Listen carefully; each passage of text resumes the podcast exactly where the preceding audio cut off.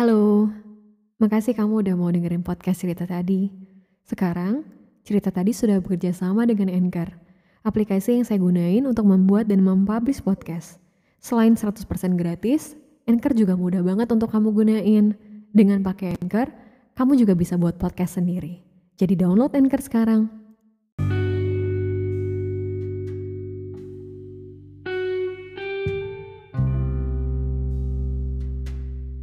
Hari ini aku balik sama segmen dengar cerita yang ceritanya tuh dari salah satu pendengar yang udah sempat kirim ceritanya ke sini.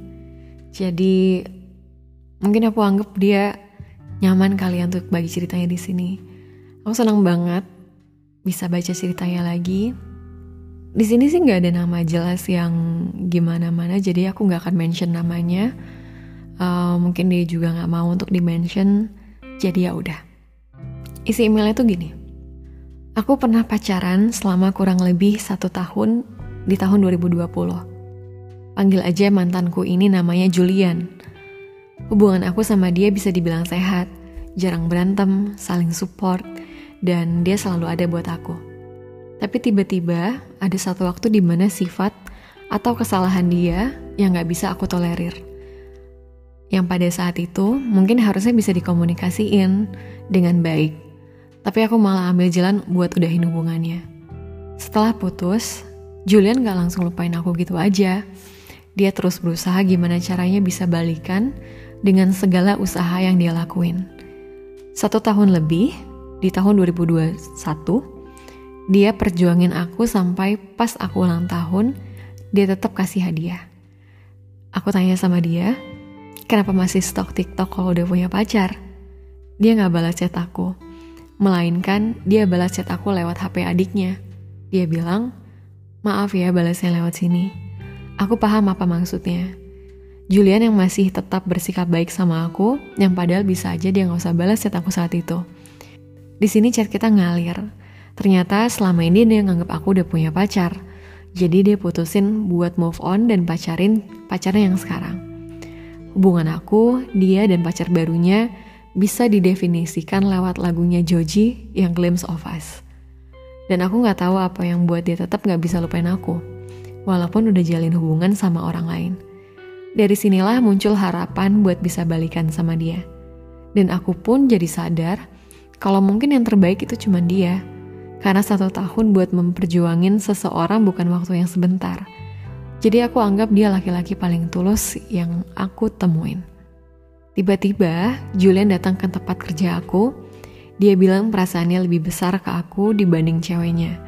Dia nyuruh aku buat nunggu dan cari cara gimana caranya buat putus. Sehari setelah itu, pacarnya nanya, kamu masih berharap buat balikan sama dia? Aku maksudnya. Julian jawab, lebih tepatnya, iya, aku minta maaf. Intinya di sini ceweknya bilang dia mau mundur aja dan mempersilahkan Julian buat tetap kejar aku sampai dia dapetin aku lagi.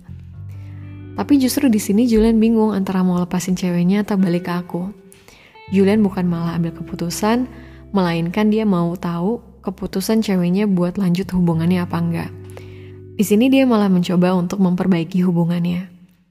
Malamnya dia kasih kabar kalau dia sama pacarnya udah kayak semula lagi, alias baik-baik aja. Pacarnya bilang, Julian harus lupain aku. Sakit banget. Rasanya kayak dikit lagi mau genggam sesuatu tapi malah lepas. Di sini dia bilang, aku gak bisa putus kalau masalahnya baik-baik aja. Aku harus cari kesalahan dia yang sampai bikin hati aku nyes. Dan aku tanya dia, jadi kamu mau aku tetap nunggu atau pergi? Karena kalaupun aku bertahan itu atas kemauan kamu. Aku minta kesempatan buat ketemu, mungkin untuk yang terakhir kali. Aku minta ketemu di rumahnya aja. Di situ mungkin dia langsung bilang sama ibunya kalau aku mau ke rumah dan dia cerita ke ibunya semua yang terjadi. Pas udah di rumahnya, aku ketemu sama ibunya yang masih welcome banget sama aku. Di situ aku minta maaf sama dia karena dulu udah ninggalin dia secara sepihak. Dia bilang kalau dia udah maafin semua kesalahan aku. Di depan aku dia manipulasi keadaan di mana dia bilang ke pacarnya ada urusan gitu padahal itu cuma alasan biar bisa antar aku pulang. Aku nangis karena dulu gak kayak gini. Dulu aku satu-satunya, dulu aku prioritas dia. Di perjalanan pulang, kita bikin rules yaitu aku harus sabar, aku nger harus ngertiin dia, dia bakal kabarin aku tiap hari walaupun pakai HP adiknya. Kalau mau ketemu ceweknya, gak akan kasih tahu aku karena menghargai. Dan yang terakhir, ini bukan pertemuan terakhir berarti masih ada pertemuan berikutnya. Pas mau pisah, dia pun terus yakinin aku kalau aku sama dia bakal balikan, walaupun gak dalam waktu dekat. Dia bilang, aku kabarin kamu pas benar-benar udah selesai chatan sama dia ya. Tapi jujur aku gak yakin bakal sekuat itu. Gak yakin bakal sanggup sama rules itu. Ada terlintas di pikiran aku kayaknya lebih baik aku lepasin aja biar dia bisa milih dan jadi laki-laki yang tegas. Aku pikirin ini baik-baik resiko dan semua kemungkinan yang bakal terjadi kalau aku lanjut terus komunikasi sama dia. Akhirnya, pas udah di rumah, aku beraniin diri buat bilang ke dia, kalau sebaiknya kita masing-masing aja dulu. Aku gak mau jahat walaupun sebenarnya bisa lebih tega dari ini. Kalau kamu emang udah ikhlas, maafin aku. Tolong lupain semua yang udah terjadi. Dan kalau kamu emang mau, serius sama aku, pasti bakalan ada jalannya buat bareng-bareng lagi. Di sini dia jawab, aku sama pacarku gak ada kata serius. Alasannya karena ibu aku gak suka sama keluarga dia. Aku juga udah matang-matangin siapa yang bakal jadi pendamping aku. Aku gak mau kita lost contact, walaupun nanti kamu punya pacar. Dan kata-kata semangat lainnya buat aku.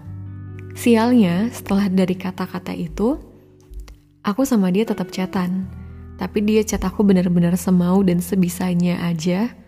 Dan aku capek. Aku sadar kayaknya berhenti adalah jalan yang tepat. Udah seminggu berlalu, dia pun gak nyariin aku sama sekali. Padahal aku bilang aku gak nutup akses mana pun buat dia.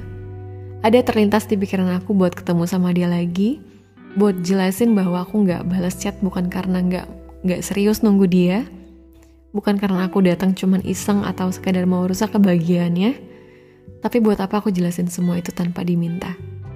Dan mungkin hubungan dia sama ceweknya pun sekarang baik-baik aja. Dan aku nggak tahu sampai kapan aku harus nunggu. Menurut kakak, yang aku lakuin buat pergi itu pilihan yang tepat nggak ya? Kayak aku mau perjuangin dia tapi aku capek kalau cuman aku yang berjuang. Dan semua janji-janji dia ke aku, apa cuma sekedar kalimat penenang? Kalau sayang sama aku harusnya dia tahu harus lepasin pacarnya yang sekarang apa pacarnya itu kasih apa yang gak bisa aku kasih? Kenapa usaha dia buat balikan sama aku benar-benar gak kelihatan? Bukannya kalaupun tetap lanjut, sama pacarnya pun bakal nyakitin pacarnya gak sih? Kalau dianya tetap gak bisa lupain aku. Banyak pertanyaan yang aku gak nemu jawabannya. Makasih Kak Al udah bacain. Um, panjang ya. Um, mana ya maksudnya? Aku kok malah jadi ngeliat ini hal yang serem ya. Maksudnya, iya dia pernah gagal move on dari kamu, susah untuk lupain kamu, sampai akhirnya ada orang yang baru yang mungkin bisa buat prosesnya jadi lebih mudah. Terus pas dia udah mulai lupa, uh, tiba-tiba ada komunikasi lagi sama kamu, dia sampai cari cara gimana tetap balas chat kamu, walaupun lewat um, adiknya Emang itu gak serem ya? Aku mikirnya bisa aja dia ngelakuin hal yang sama kalau balik lagi sama kamu. Entah sama siapa pun itu, karena mungkin aja gak sih? Diam-diam dia ngelakuin sesuatu di belakang kamu, ya gak tahu sih. Bisa benar tapi bisa juga salah. Um, cuma kalau menurut aku sih, kalau kita udah move on, terus punya pacar baru, harusnya ya udah. Ngapain ngeliat yang udah-udah? Ngapain masih stalking kamu lewat TikTok seharusnya? Apalagi begitu ada komunikasi sampai uh, bingung sendiri soal mau balik lagi sama yang lama atau lanjutin sama yang baru. Itu kan seharusnya bukan hal yang harus dibingungin lagi. Mungkin cara pandang aku soal hubungan sama Julian ini beda tapi poinnya apa sih punya pacar baru? Kalau ujung-ujungnya dibuat sebercanda ini, semain-main ini. Cara yang kayak gitu kan nyakitin kamu, pasti nyakitin pacar barunya juga. Unfair aja buat aku. Jadi buat siapa pun, kalau masih belum bisa move on tuh jangan jadiin orang baru itu sebagai tempat berobat jalan. Sembuh atau sakitnya kamu tuh bukan tanggung jawab orang lain untuk ngobatin.